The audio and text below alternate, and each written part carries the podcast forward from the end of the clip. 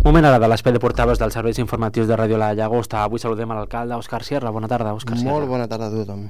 Doncs Òscar Sierra, amb l'alcalde, evidentment també volem parlar sobre el Dia Internacional de les Dones, d'aquest 8 de març, que es commemora no només aquest dia, sinó hi ha un programa que ha fet l'Ajuntament en diverses entitats. Què destacaria de l'actual situació de les dones? Crec que encara eh, no... Soc, he de ser sincer, jo ho visc, ho, ho miro, i les dones encara, eh, que són el 50% de la població del nostre món, no ocupen el 50% dels llocs de responsabilitat, dels llocs eh, de treball, de, bueno, és un tema d'igualtat i, de, i per arribar a la igualtat eh, el camí és el feminisme i amb això estem. Un ajuntament compromès, feminista, per intentar eh, que el dia de demà eh, homes i dones eh, visquin en igualtat, que les dones no pateixin agressions, que no pateixin violència, que no pateixin eh, maltractament, que tingui les mateixes oportunitats i el món acabi definit com una qüestió igualitària en temes de feina, oportunitats i, i a, a qualsevol àmbit, a qualsevol àmbit. I aquí estem, en aquesta lluita que reivindiquem el 8 de març, però que lluitem els 365 dies de l'any. Com valora el programa d'activitats doncs, de, de la regidoria d'Igualtat, l'Ajuntament de la Llagosta, que encara està, està viu, perquè encara hi queden activitats, però, per exemple, aquest dilluns se van celebrar els 15 anys del CIR, del Centre d'Informació i Recursos per a Dones. Com ho valora aquest programa? És un programa complet eh, que té la seva part de manifestació, té la seva part d'institucionalitat i té la seva aportació a través de les diferents entitats del municipi que també han volgut col·laborar i, com no, celebrar aquest 15è aniversari del nostre Centre d'Informació i Recursos per Dones que l'altre dia doncs, recordàvem que són 15 anys on passen més de 100 dones eh, que necessiten l'ajuda de l'Ajuntament amb una qualificació d'excel·lència eh, eh, no ho diem nosaltres, ho diuen les persones usuàries, referent a les professionals que s'hi deixen la pell per donar la millor qualitat d'atenció a, aquestes, eh, a les dones que ho necessiten. Hem tingut eh, el, el dia de, de la, de, el Dia Internacional de les Dones, que ho van celebrar un dia abans perquè la gent, el, el, el, tot, tothom que vulgui anar a una gran manifestació pugui fer aquesta duplicitat. I seguirem eh, i com no eh, una de la també és moment de festa i per això tornem eh, es torna a celebrar el dia del sopar de les dones que jo crec que és una cosa molt important eh, que la Covid ens havia mm, bueno, fast, no s'hi podia, bueno, no podia fer i ara? Doncs, no podem fer i estem, estem contents d'aquesta represa.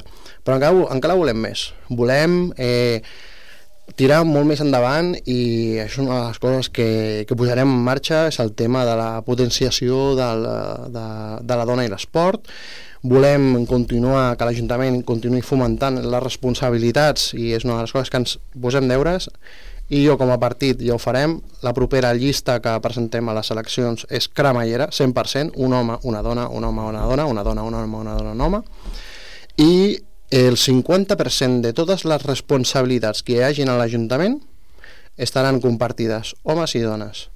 I les eh, regidories eh, que eh, sempre, o potser eh, històricament, eh, han estat eh, pues, eh, com si otorgades automàticament, no? O sigui, el tema de les cures per les dones, el tema de la seguretat pels homes, pues, això en el meu ajuntament s'ha acabat. Sí, canviarà, eh? Es veuran... Aquestes són les propostes que volem donar un salt i un impuls al tema de, eh, com deia l'altre dia, jo política, de que les dones també tenen el dret perquè s'ho mereixen i perquè són, eh, en moltes ocasions, molt més vàlides que nosaltres, doncs han d'ocupar com a mínim el 50% de les responsabilitats que hi hauran també a l'Ajuntament. Com veu el futur de les dones? Creu que anem cap a més igualtat? Veient l'actualitat, les diverses notícies, informacions, missatges doncs, que hi ha... Crec que evidentment ja s'estan fent passes cap a la millora de la igualtat, es van trencant eh, sostres de cristal, eh, pero creo que todavía hay mucho camino para recorrer. Hasta que la igualdad no sea completamente efectiva, eh, las administraciones públicas no podemos de, dejar de apretar el acelerador para, para, conquistarlo. Y, ya lo expliqué el año pasado, si solo hacemos lo que estamos haciendo hasta ahora y no hacemos un poco más, la igualdad real, entre hombres y mujeres no se dará hasta dentro de 100 años. A mí, como alcalde, como político, como padre y como persona que vive en este mundo, me gustaría que esa igualdad la pudiera haber. Y lucharemos para que la pueda haber. Bueno, doncs pues en això eh, és feina eh, en part també de, de tots. Parlem d'altres qüestions, com per exemple un altre programa que ha elaborat l'Ajuntament de la Llagosta i són les festes de Sant Josep. Com a alcalde, evidentment, entenc que sí, però vostè la celebra, li agrada eh, que, que sigui aquest patró de la Llagosta Sant Josep i que hi hagi aquestes festes, no sé com les viu. La festa de Sant Josep sempre ha estat una festa entorn de la cultura, uh -huh. entorn de bueno, del nostre patró, és una festa religiosa que nosaltres sí. adaptem, eh, els municipis eh, agafem el, eh, la nostra festa en base a un calendari religiós eh, i, i ho acceptem i, i, i ho gaudim, hi haurà festa històrica, religiosa, hi haurà passejos eh, d'història de la llagosta, però hi haurà eh, també festa per joves, festa per nens, festa per gent gran, o sigui, ten, tindrem una obertura eh, 100% del que és tota la nostra eh, activitat que puguem tenir. I tindrem doncs, eh, també eh, festa de música i de ball per joves. Tindrem eh, inflables pels nens petits els passeus eh, Mateu Bartalot eh, la, la missa de, de, de Sant Josep i, bueno, i, la, i la rebella, evidentment. I la trobada gegantera, que també... Sí, però com ja és una setmana ah, més al primer, aquest, cap de, aquest, cap de, aquest, aquest cap de setmana. Hi ha moltes coses. Vale? Perquè també, eh, com deia jo, la festa de Sant Josep va des de que celebrem el dia d'Andalusia fins que fem la trobada gegantera o a l'inrevés, perquè sempre són...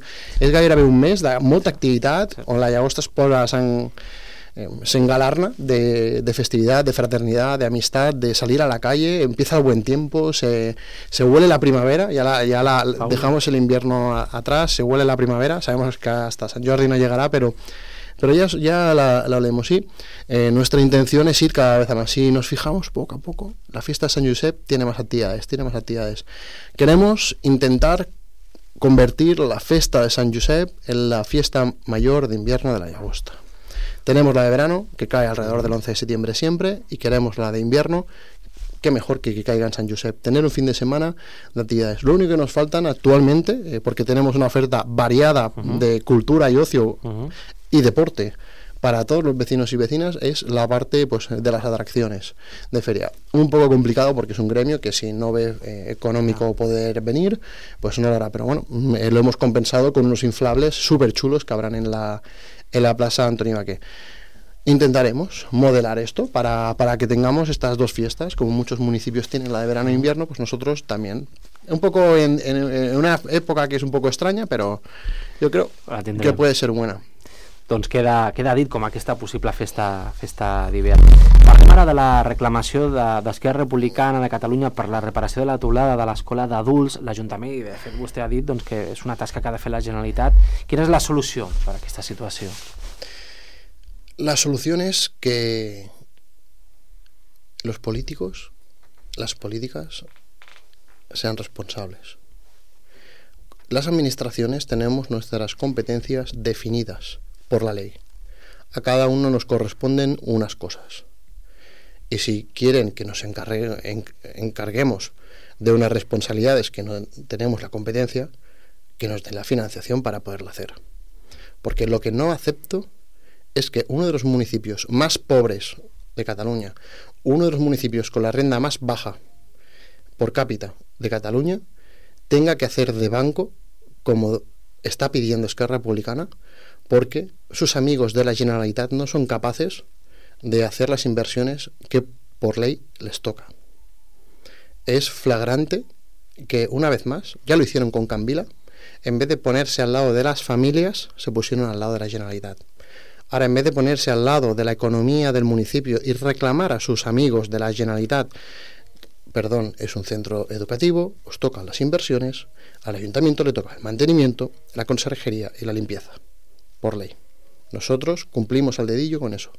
Le decimos a Esquerra Republicana que no se equivoque, que toque de pies a tierra, por favor, y que recapacite.